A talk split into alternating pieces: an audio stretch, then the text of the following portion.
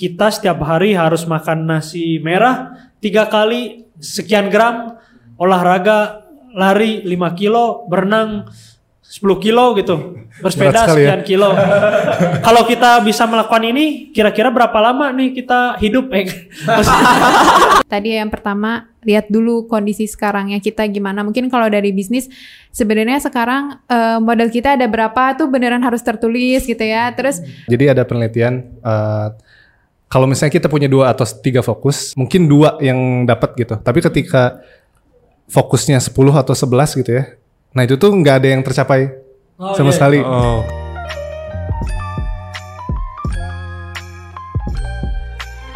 Ta ta ta ta ta ya. Tan ta ta ta ta ta ta. Oh, ayo ayo ayo. Yo. Assalamualaikum warahmatullahi wabarakatuh. Waalaikumsalam. Waalaikumsalam warahmatullahi wabarakatuh. Halo teman-teman semua, juragan semua. Balik lagi di podcast Ngobrol Bareng Yubi episode 12.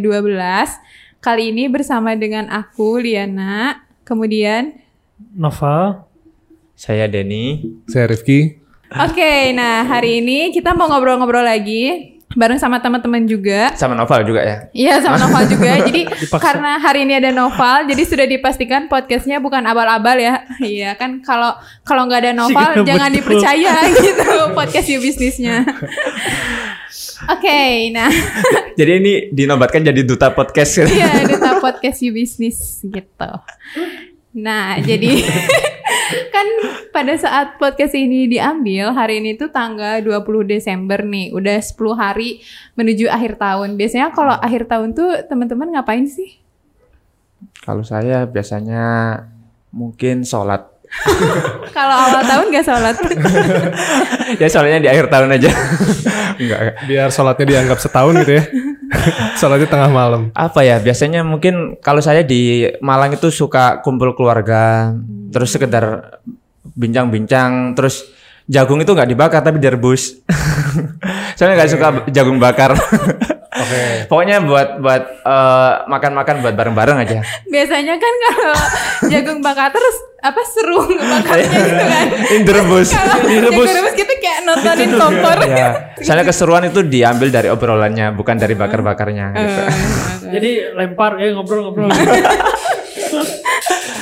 Kalau Ya. Nopal ngapain biasanya tuh Nopal akhir, Akhir tahun? tahun. Heeh. eh, apa? ya? Nggak tahu sih. Kalau lagi kuliah suka jalan-jalan. Iya, Kalau liburan lagi ya kerja ya kerja kerja kerja. Liburnya emang nggak susah kan? Kayak pemerintah aja. Kalau Kak Rifki ada agenda khusus nggak sih biasanya Oh ada tahun? dong. Oh ada, gitu. ada. Jadi saya merenungi resolusi-resolusi tahun baru dari tahun 2020, 19, 18 yang belum tercapai juga sampai sekarang. Sangat ditulis lagi untuk tidak Jadi dilakukan. ketika mau nulis lagi teh, aduh, ini tercapai nggak ya? Tercapai nggak ya? Mau nambah tapi yang kemarin Iya. belum kecapai nih. Iya tuh sering Tapi banget. bagus sih itu. Berarti ada, ada evaluasi dari yang lalu-lalu. Lalu alang. Enggak. Lalu lalang. Oke. Mungkin itu juga kali ya. Aku juga kadang tuh sebenarnya kan evaluasi itu nggak harus tahun akhir tahun ya. Cuman kadang suka ada apa ya kayak awal tahun tuh kayaknya waktu yang tepat buat memulai lagi gitu kayak pengen fresh lagi gitu kan. Jadi oh mungkin kita bikin rencananya dari akhir tahun terus kita eh, evaluasi dulu dari yang setahun ini. Nah sebenarnya itu juga sih yang pengen kita coba obrolin gitu. Kayak selama setahun ini tuh eh, kira-kira teman-teman eh, ada juga yang bikin rencana mungkin selama setahun kemarin terus adakah yang sudah tercapai atau adakah yang belum tercapai mungkin boleh sharing Bisa komen kolom di bawah ya. komentar ya. nah sesuai judulnya tuh kita kan tadi Kak Rifki cerita tuh apa eh, resolusi yang tidak pernah tercapai teman-teman pernah juga tadi Sering. sering saya mungkin tiap minggu. bikin rencana tapi nggak pernah ya. tercapai Banyak yang nggak tercapai. Nggak tahu ya kenapa ya. nah itu dia yang pengen Kayaknya kita kita kita akan ini. bahas aja di podcast ini. Iya, nah kira-kira tuh kalau bikin rencana kenapa sih sering banget yang nggak tercapai gitu? Terus eh, kira-kira gimana gitu biar tercapai? Bahkan mungkin sebelum ke situ, menurut teman-teman, kalau rencana itu tidak pernah tercapai, sebenarnya penting gak sih bikin rencana? Coba mungkin teman-teman juragan juga punya pendapat ya, boleh tulis di Siap. komentar. Gimana? Ada yang mau berpendapat? Penting gak sih? Kayaknya saya perlu masukan. saya lagi bingung ini. Sering dong gimana? Gimana? Eh, apa? ya, mm. resolusi sejauh ini terus eh, tadi bilang mingguan ya. Iya. Nah. Asli mingguan itu resolusi yang ada di dalam kepala. Saya sangat jarang sekali menuliskan resolusi yang sangat rapi gitu dalam buku terus yang selalu yang selalu saya lihat. Jadi sukanya ada resolusi tiba-tiba terus kerjakan. Ternyata Tiba-tiba ternyata reformasi. di minggu kemudian ingat bahwa oh banyak resolusi yang aku pikirkan yang hanya aku pikirkan itu nggak nggak terjadi. Itu apa mungkin mungkin juga karena aku nggak menuliskan itu jadi aku lupa. Jadi untuk tipe orang yang impulsif seperti saya kayaknya eh eh, butuh masukan dulu dari orang-orang yang tidak impulsif. Apakah perlu untuk menuliskan secara rapi di spreadsheet terus yang dipasang yang terlihat gitu loh. Yang sering aku lihat kayak di desktop atau gimana gitu kan. Tapi kadang kalau aku eh, bikin resolusi itu bi- biasanya tuh gagalnya tuh karena karena ada perubahan rencana gitu di tengah-tengah, iya nggak sih? Bukan karena lupa kayak saya ya. Iya, jadi eh ditulis mah ditulis, cuman kayak diingatnya teh kayak eh, kalau misalnya di di posting nih di Instagram misalnya eh 100 hari lagi menuju tahun baru gitu. Nah, itu baru tuh ngebuka lagi tuh si resolusi. Oh iya, iya 2021 aku punya resolusi gitu. Cuman ya apa kayak dinamis gitu loh kalau kita bikin setahun tuh kayak eh, misalnya target eh, target menguasai menguasai misalnya kalau lagi kuliah gitu ya menguasai materi A di bulan ini gitu menguasai materi- materi B di uh, bulan ini. Taunya tiba-tiba ada tugas mendadak gitu tugas A yang harus misalnya harus oh harus belok nih jadi resolusinya ganti lagi. Jadi kayak resolusi ganti resolusi ganti gitu. Kalau teman-teman ya- gimana? Ya resolusi baru yang diganti itu tercapai. Eh, tercapai cuman kayak itu kan bukan resolusi tahun baru gitu kayak jadi kayak di jalan tuh bisa tiba-tiba ya udah gagal aja gitu. Dan ya akhir-akhir dievaluasi lagi gitu. Kalau teman-teman gimana Ah, ya karena mungkin hmm, pertama sih eh, males. Jadi kayak aku ingin olahraga setiap pagi, tapi setiap pagi itu pasti bangun, aduh, enakan tidur, tidur lagi. Masih ada dua apa 300 sekian hari lagi. 200 hari tetap aja gituan gitu. Tapi kak, ayo tahun baru deh ya. kan jadi apa kadang-kadang karena goalsnya besar banget, terus ingin direct misalkan kayak kayak apa ya misalkan nurunin badan lah misal nurunin berat badan. Nurunin badan. kan mudah ya. nurunin nurunin badan, berat badan. Nah, naikin badan. Ya misalkan nurunin berat badan gitu kayak turun 10 kilo tapi kan dulu dulu tuh kadang si goalsnya gak jelas. Kayak masih masih muda-muda gitu kan semua goals turunin. sekarang udah nggak muda lagi ya. Pak? ya agak tua dikit. Karena terlalu besar tuh goalsnya jadi aku nggak ngerti sih sehari-hari harus ngapain. Karena goalsnya terlalu besar karena kayak turunin berat badan. Cuman eh, akhirnya tahun depan kenapa nggak berhasil lah? Oh revisi. Kayaknya nggak ada patokan berapa berat badan yang pengen diturunin. Oh 5 kilo. Nah baru tuh mulai oh tiap hari itu harus olahraga apa. Dan itu juga masih belum works gitu karena belum kena penyakit belum kena apa hayo ya tidur gitu. Itulah jadinya. Kayaknya itu sih. Oke, mungkin emang ada beberapa faktor kali ya tadi entah itu nggak ditulis atau tadi misalnya berubah-ubah atau tadi kurang apa jelas si goalsnya. Atau tujuannya terlalu besar katanya. Ya tadi kayak- tujuannya. fokusnya terlalu banyak. Ya terlalu. Jadi nggak fokus ya. fokus tapi terlalu banyak. Nah terus kalau kayak gitu sebenarnya harusnya rencana tuh dibikinnya seperti apa gitu? Eh tadi aku sebenarnya mau nanya dulu kayak oh penting gak sih bikin rencana itu dulu deh sebelum kita ke Penting. bikin rencana. penting Kenapa? Penting sekali Menurut karena- teman-teman. Ya, eh, jadi rencana penting karena kalau nggak direncanakan kita bakal spontan aja gitu setiap harinya. Eh, apalagi kalau kita misalkan masuk ke dunia pekerjaan yang memang harus terplanning eh, hari ke harinya karena ada output yang mau dihasilkan. Nah, sama juga dengan kehidupan kalau kita nggak merencanakan eh, kayak apa milestone-milestone apa yang mau dijejaki, kita bakal ngalir kayak air. Ya bener sih, kayak ada pepatah kan, alir, ngalir aja kayak air. Cuman ntar kalau airnya masuk ke comberan akhirnya atau ke laut yang besar, itu kan jadi ngikutin hanya mengikuti si aliran air tadi gitu. Kita nggak bisa ngecapai cita-cita yang eh, spesifik kita pengen gitu. Betul. Hmm. Saya, saya jadi kayak merenung. Kayaknya saya- selama ini saya jadi ikut kayak air. saya dibawa ke sapi tank nggak tahu. Takutnya gitu kan. Sekarang lagi di mana nih tengah-tengah. Ini kayaknya lagi di depan. Iya. Jadi tapi yang eh, mungkin saya pertanyakan kan membuat tujuan itu penting. Tapi bagaimana membuat rencana yang yang yang benar gitu loh. Jadi aku tahu aku harus bikin rencana, tapi aku nggak tahu cara bikin rencana yang baik. Hmm. Atau itu sesuai keinginanku aja atau gimana ya menurut teman-teman? Oke, nah mungkin itu yang juga akan kita bahas hari ini. Hmm, Kalau Karifi gimana pendapatnya soal rencana? Kalau rencana sih aku sesimpel kalau misalnya aku sering tuh kejadian tuh gini. Jadi hari ini mau ngapain ya? Hari ini mau ngapain ya? Jadi kayak habis ini ngapain ya? Habis ini ngapain? Nah itu tuh eh, yang kadang eh, oh berarti aku belum bikin rencana di minggu itu misalnya. Jadi kayak sesimpel itu sih eh, biar ada yang habis ini kira-kira ngapain, hari ini mau ngapain gitu kayak biar lebih tetap terarah aja sih kayaknya bener tadi ya. Gitu. Dan- Teknik sendiri gimana? Iya, nah kadang aku juga ngerasa beda gitu kayak kayak misalnya nih aku kan sebenarnya kita tuh udah punya rutinitas harian ya. Misalnya aku kerja ya udah pasti aku pasti akan diem di meja jam 8 gitu kan, terus bikin konten dan segala macem. Tapi kalau itu tuh cuman ngelakuin rutinitas doang tuh energinya beda gitu. Beda dengan kalau misalnya pagi ini aku punya tujuan, aku pengen ngerjain ini ini ini ini gitu. Kayak si harinya tuh jadi lebih berenergi gitu, lebih betul, tertata, lebih jelas aja tujuannya. Nah, pasti mungkin aku yakin semua orang juga punya tujuan ya. Misalnya apalagi teman-teman pebisnis tuh bikin bisnis pasti ada tujuannya gitu. Misal entah itu pengen ngasilin uang segini, uangnya buat apa? Biar keluarga bisa hidup nyaman, biar bisa nyekolahin sekolah anak-anak gitu.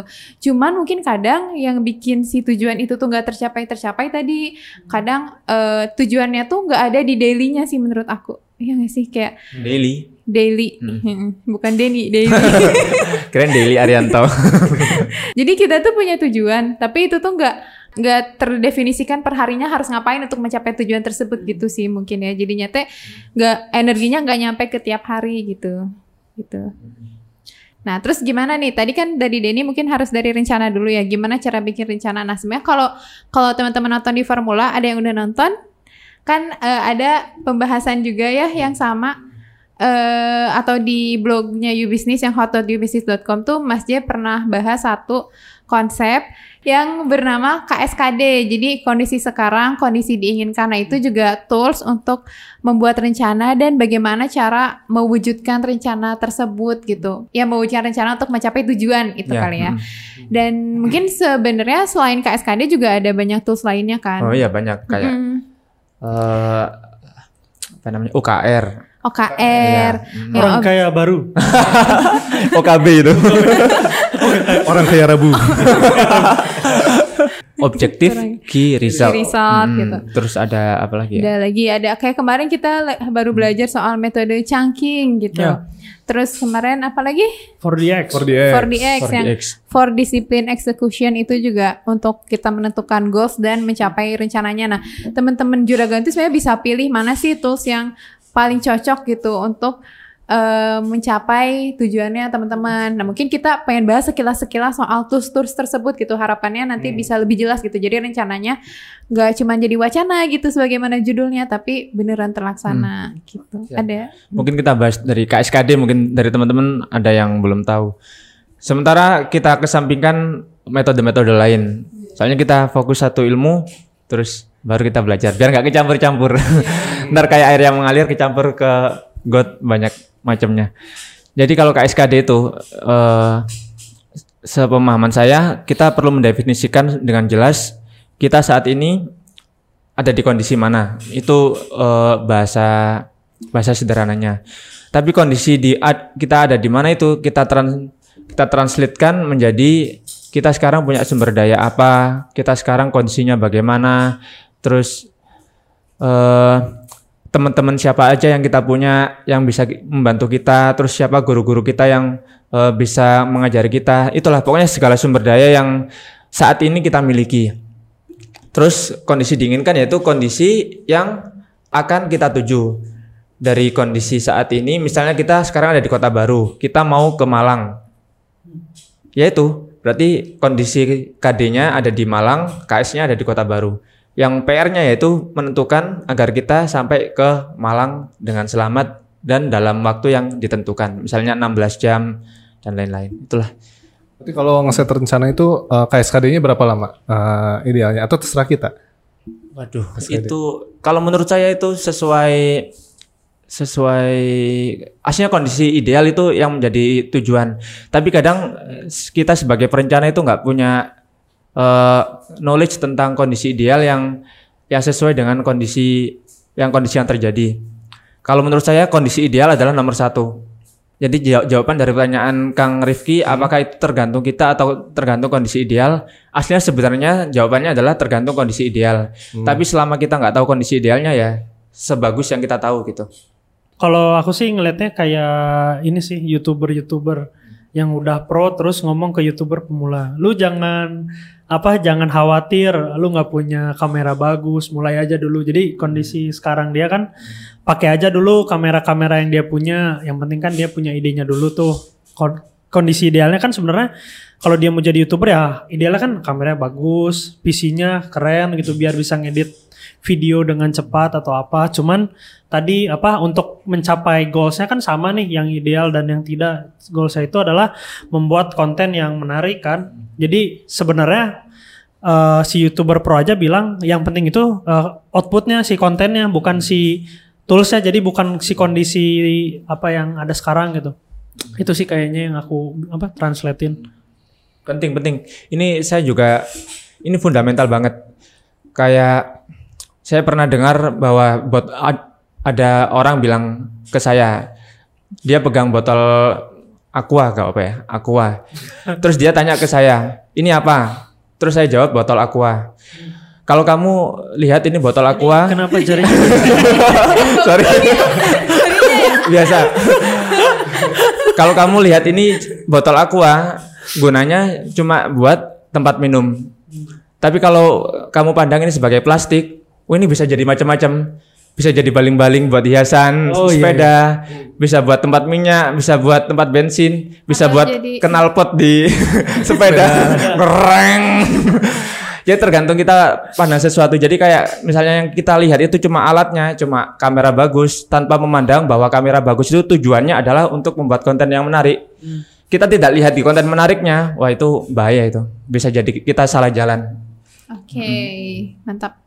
Jadi kan kalau yang aku tangkap juga dari materi Mas Jaya itu kan kita harus nentuin dulu nih tujuan kita apa. Nah tujuan ini didefinisikan sebagai kondisi diinginkan. Tapi kita juga harus ngelihat dulu tadi kondisi sekarangnya gimana. Nah mungkin tadi yang dibilang Denny kadang kita tuh suka yaudah yuk fokus pokoknya ke depan. Tapi kita nggak ngelihat dulu apa yang kita punya sekarang. Jangan-jangan yang kita punya sekarang tuh bisa kita maksimalin lebih lagi gitu ya untuk eh, mencapai si tujuan kita. Jadi tadi yang pertama lihat dulu kondisi sekarangnya kita gimana. Mungkin kalau dari bisnis sebenarnya sekarang eh, modal kita ada berapa tuh beneran harus tertulis gitu ya. Terus eh, penjualan kita sekarang udah segimana sih gitu kan. Misalnya selama setahun ini tuh produk apa aja sih yang laku. Nah itu tuh sebelum kita bikin rencana tahun depan kita harus nulisin dulu semua datanya nih. Kondisi sekarang kita kayak gimana. Sumber daya apa aja yang kita punya dan lain-lain. Gitu kali ya. Ada tambahan mungkin Kak Rifki? Persoalannya sih banyak kayak eh, banyak UMKM ya yang kayak ditanya omsetnya berapa terus kayak berapa ya? Omsetnya udah berapa ya sekarang? Cuman eh, yang ada tuh kan kita eh, duit cashnya berapa gitu di tangan kita gitu.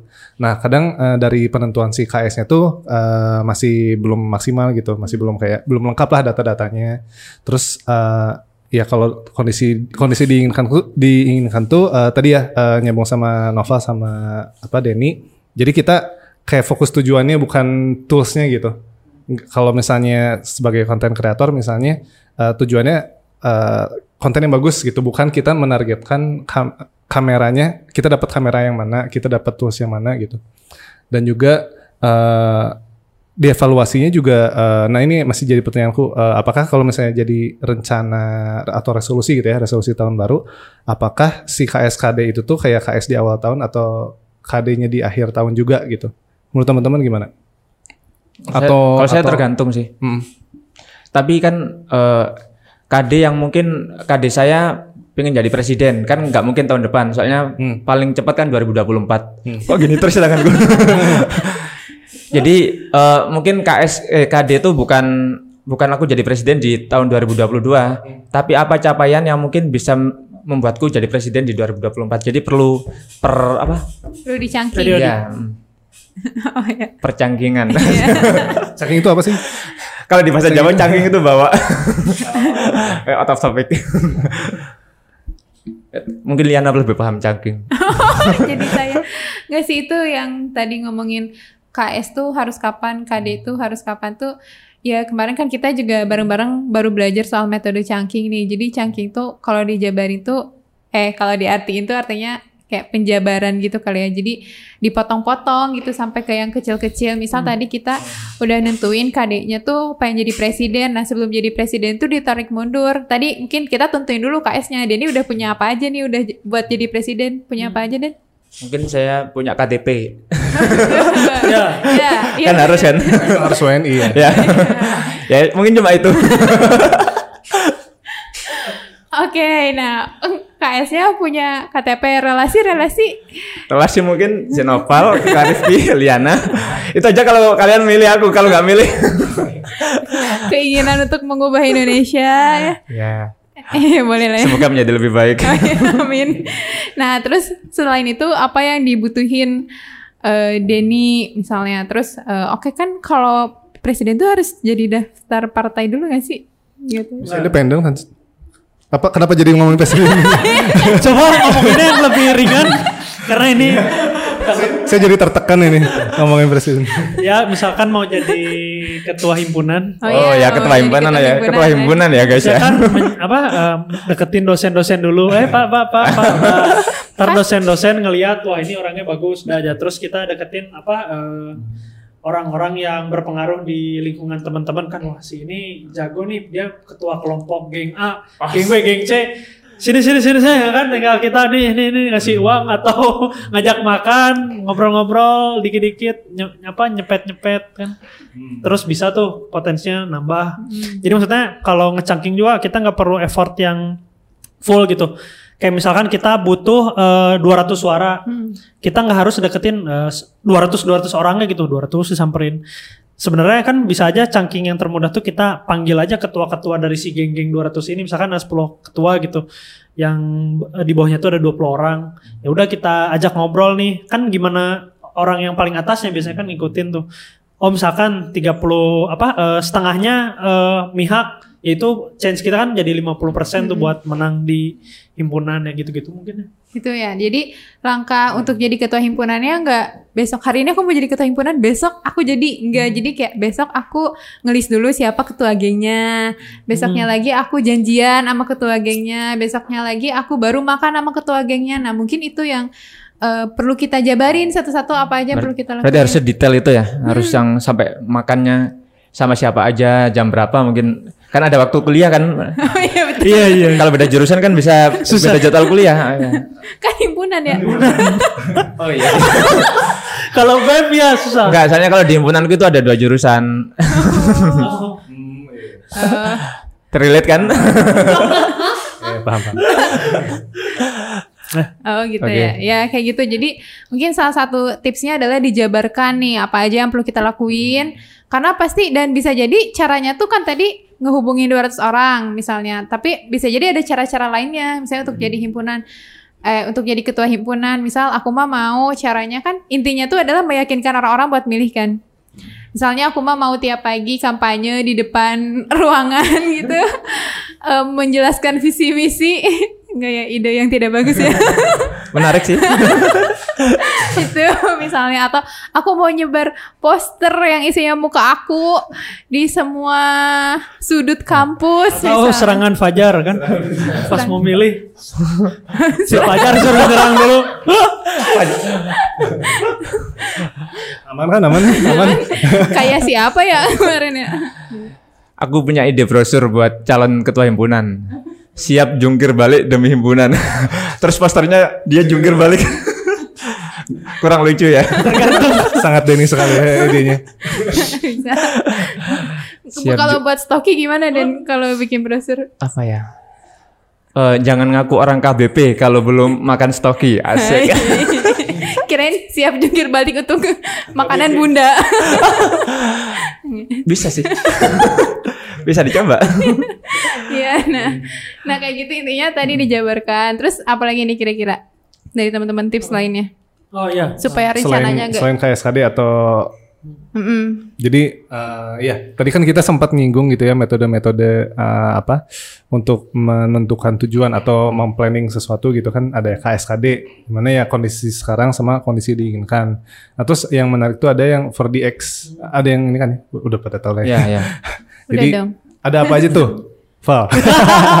Ada for, ada di, ada x Ya, ya. 4DX itu for discipline, Disiplin. execution. Kirain ini yang ada airnya, ada angin.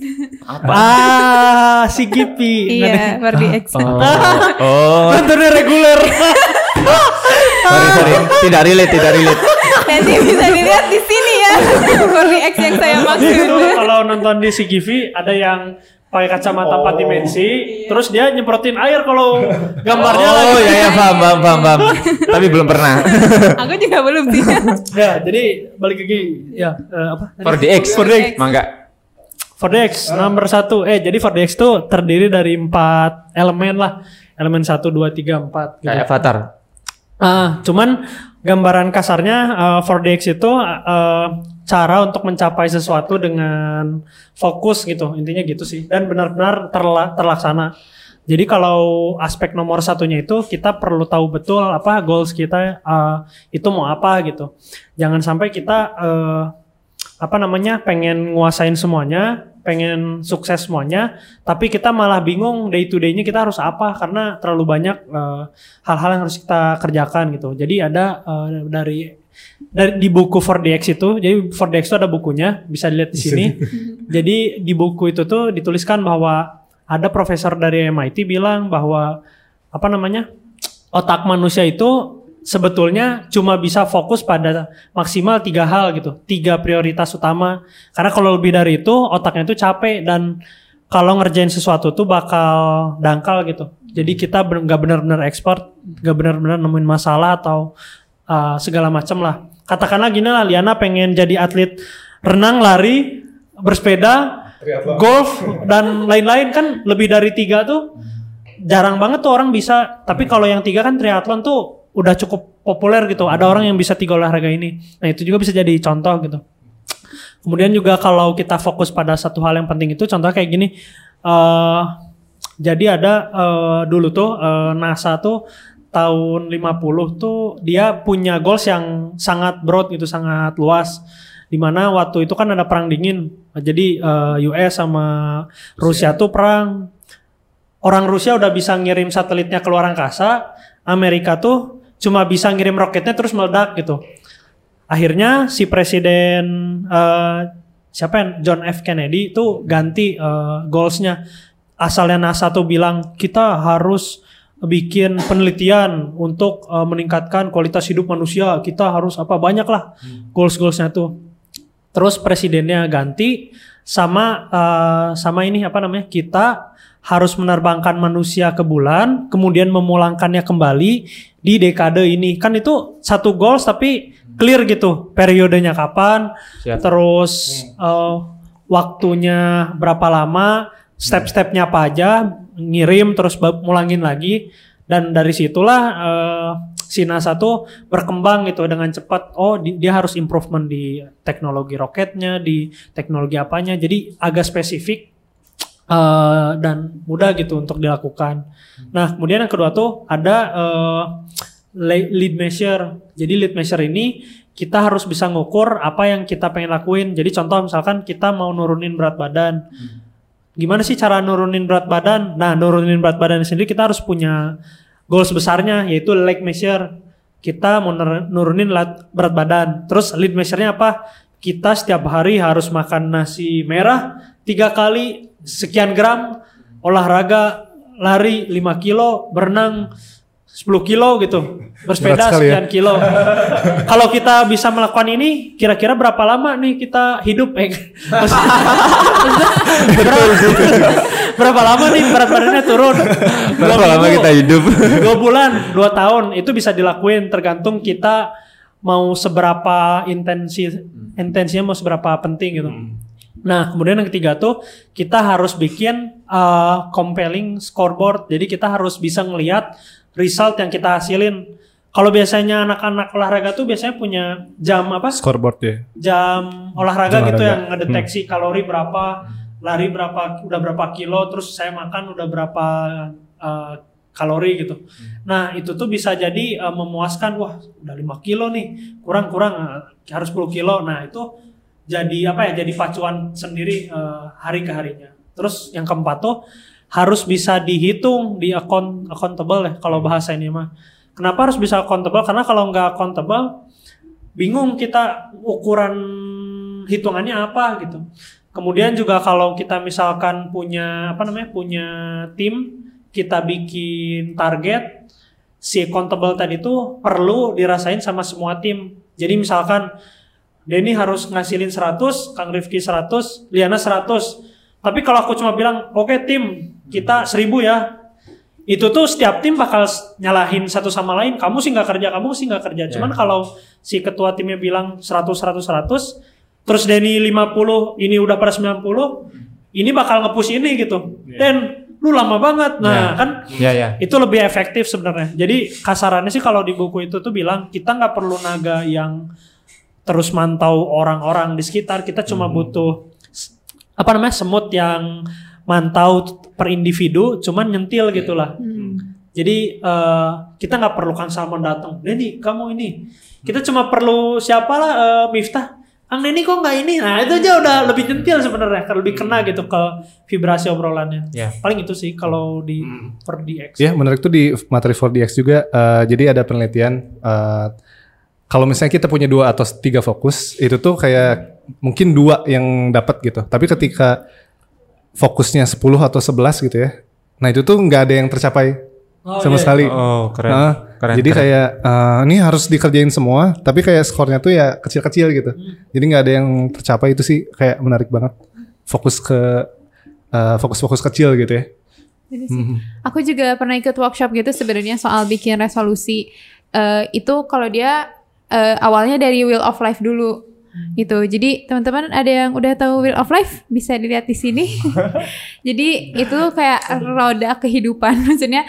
Jadi dia roda yang menunjukkan aspek-aspek dalam kehidupan kita. Misalnya ada kesehatan, eh, apa eh, kesehatan, sosial, karir, pengembangan diri dan lain-lain. Terus kita diminta scoring. Jadi misalnya kamu ngerasa skor dari 1 sampai 10 tuh kesehatan kamu berapa sekarang? Siap. Hubungan kamu sama Siap, keluarga siap. berapa sekarang dan seterusnya. Nah, terus kita diminta apa yang pengen kamu tingkatkan. Nah, terus dia minta eh, aku tuh untuk memfokuskan misal dalam tiga bulan ini tiga dulu deh gitu misalnya baru tiga bulan kemudian tiga lagi tiga bulan kemudian tiga lagi sampai semua aspeknya terpenuhi karena kalau misalnya kita langsung buru-buru semuanya akan susah juga gitu. Karena tadi misalnya kita goalsnya tiga itu kan harus diturunin ke harian tadi mungkin yang dijabarkan atau yang kata novel tadi like measure-nya. Jadi misalnya aku kesehatan nih aku pengen turut berat badan. Oh berarti daily-nya aku harus ngapain? Dari kesehatan ini setiap hari aku harus olahraga eh, setengah jam per hari misalnya. Aspek yang kedua aku pengen ningkatin pengembangan diri. Aku pengen eh apa lebih pinter. Maksudnya aku pengen memahami materi ini. Berarti daily-nya aku harus baca buku setengah jam.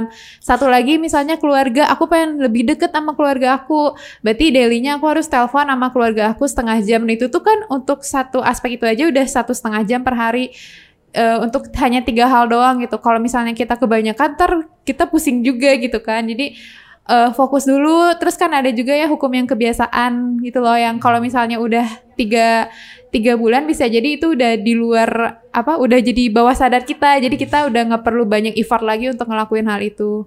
Itu mungkin ya. Dalam bisnis juga sama mungkin ya kan ada banyak banget nih aspek dalam bisnis entah SDM-nya atau produknya atau apanya. Nah, mungkin kita bisa fokus dulu nih dalam beberapa bulan ke depan kita mau benerin apanya dulu dan tadi mungkin harus jelas juga goalsnya. Tadi kan yang berat bad apa yang kita harus menaikkan apa manusia ke bulan dan mengembalikannya lagi dalam dekade tertentu itu kan udah jelas banget tuh goalsnya. Nah, mungkin untuk bisnis kita juga harus kayak gitu kali. Ya. Paling ini sih tambahan. Jadi kan ada ada orang yang pengen dikenal eh, dengan segala kemampuannya kayak aku jago ini, jago ini, jago ini, jago ini. Malahan orang tuh jadi bingung gitu. Dia tuh jago apa gitu sebenarnya. Karena jago semuanya. Sedangkan ada satu orang mungkin yang misalkan saya jago apa misalkan jago nggak ngomong kayak limbat gitu. akhirnya dia kan gara-gara nggak ngomong doang gitu dikenal jadi semuanya. Padahal cuma nggak ngomong. cuma gitu-gitu akhirnya dikenal. Cerdas tapi itu dia banyak limbat. orang yang pengen aku pengen dikenal apa nam- namanya eh, pinter ini pinter ini pinter ini. Malah orang-orang tuh bingung. Saya tuh eh, jadi apa ya namanya? Jadi eh, kalau kita punya masalah tuh pikiran pertama kita tuh kan pasti meru- merujuk sama satu solusi. Sedangkan kalau orang tadi punya banyak solusi kita jadi kadang yang mana ya dia jago beneran apa enggak ya? Takutnya enggak. Akhirnya kita bener-bener nemu oh ini aja kalau saya nggak mau ngomong ke si limbat gitu. Atau kalau saya mau mau apa namanya mau mau apa ya? Ada Kan ini yang contoh eh ya, Mak Arif Oh iya ada ada juga pepatah yang bilang jadi eh, jangan takuti pendekar yang eh, punya seribu jurus tapi berlatih satu kali di tiap jurusnya. tuh, bagus tuh Lebih takut lebih takutilah eh, satu pendekar yang dia punya satu jurus tapi latihannya seribu kali gitu. Jadi, Hmm. ya. bener Sama sama penentuan untuk eh mau tadi Denny apa dulu? Ingat yang eh, Sorry. masih sering bilang kalau ada warung, ada dua warung berjejer.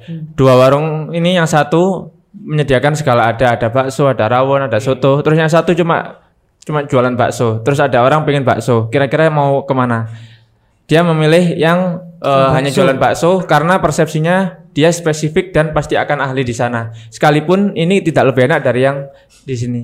Jadi prinsip spesifik ini juga mungkin eh, membawa eh, kesan juga ke ke orang.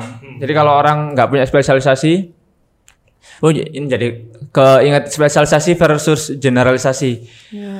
Generalisasi itu hasilnya bukan orang yang secara langsung eh, bisa semuanya, tapi orang yang spesialis tapi bertahap. Spesialis, spesialis, spesialis, spesialis, spesialis semakin lama akan menjadi generalis. Jadi bukan dalam waktu satu, satu waktu dia langsung bisa apa aja, tapi dia ber- eh, bergerak dari satu spesialis gitu. Oke.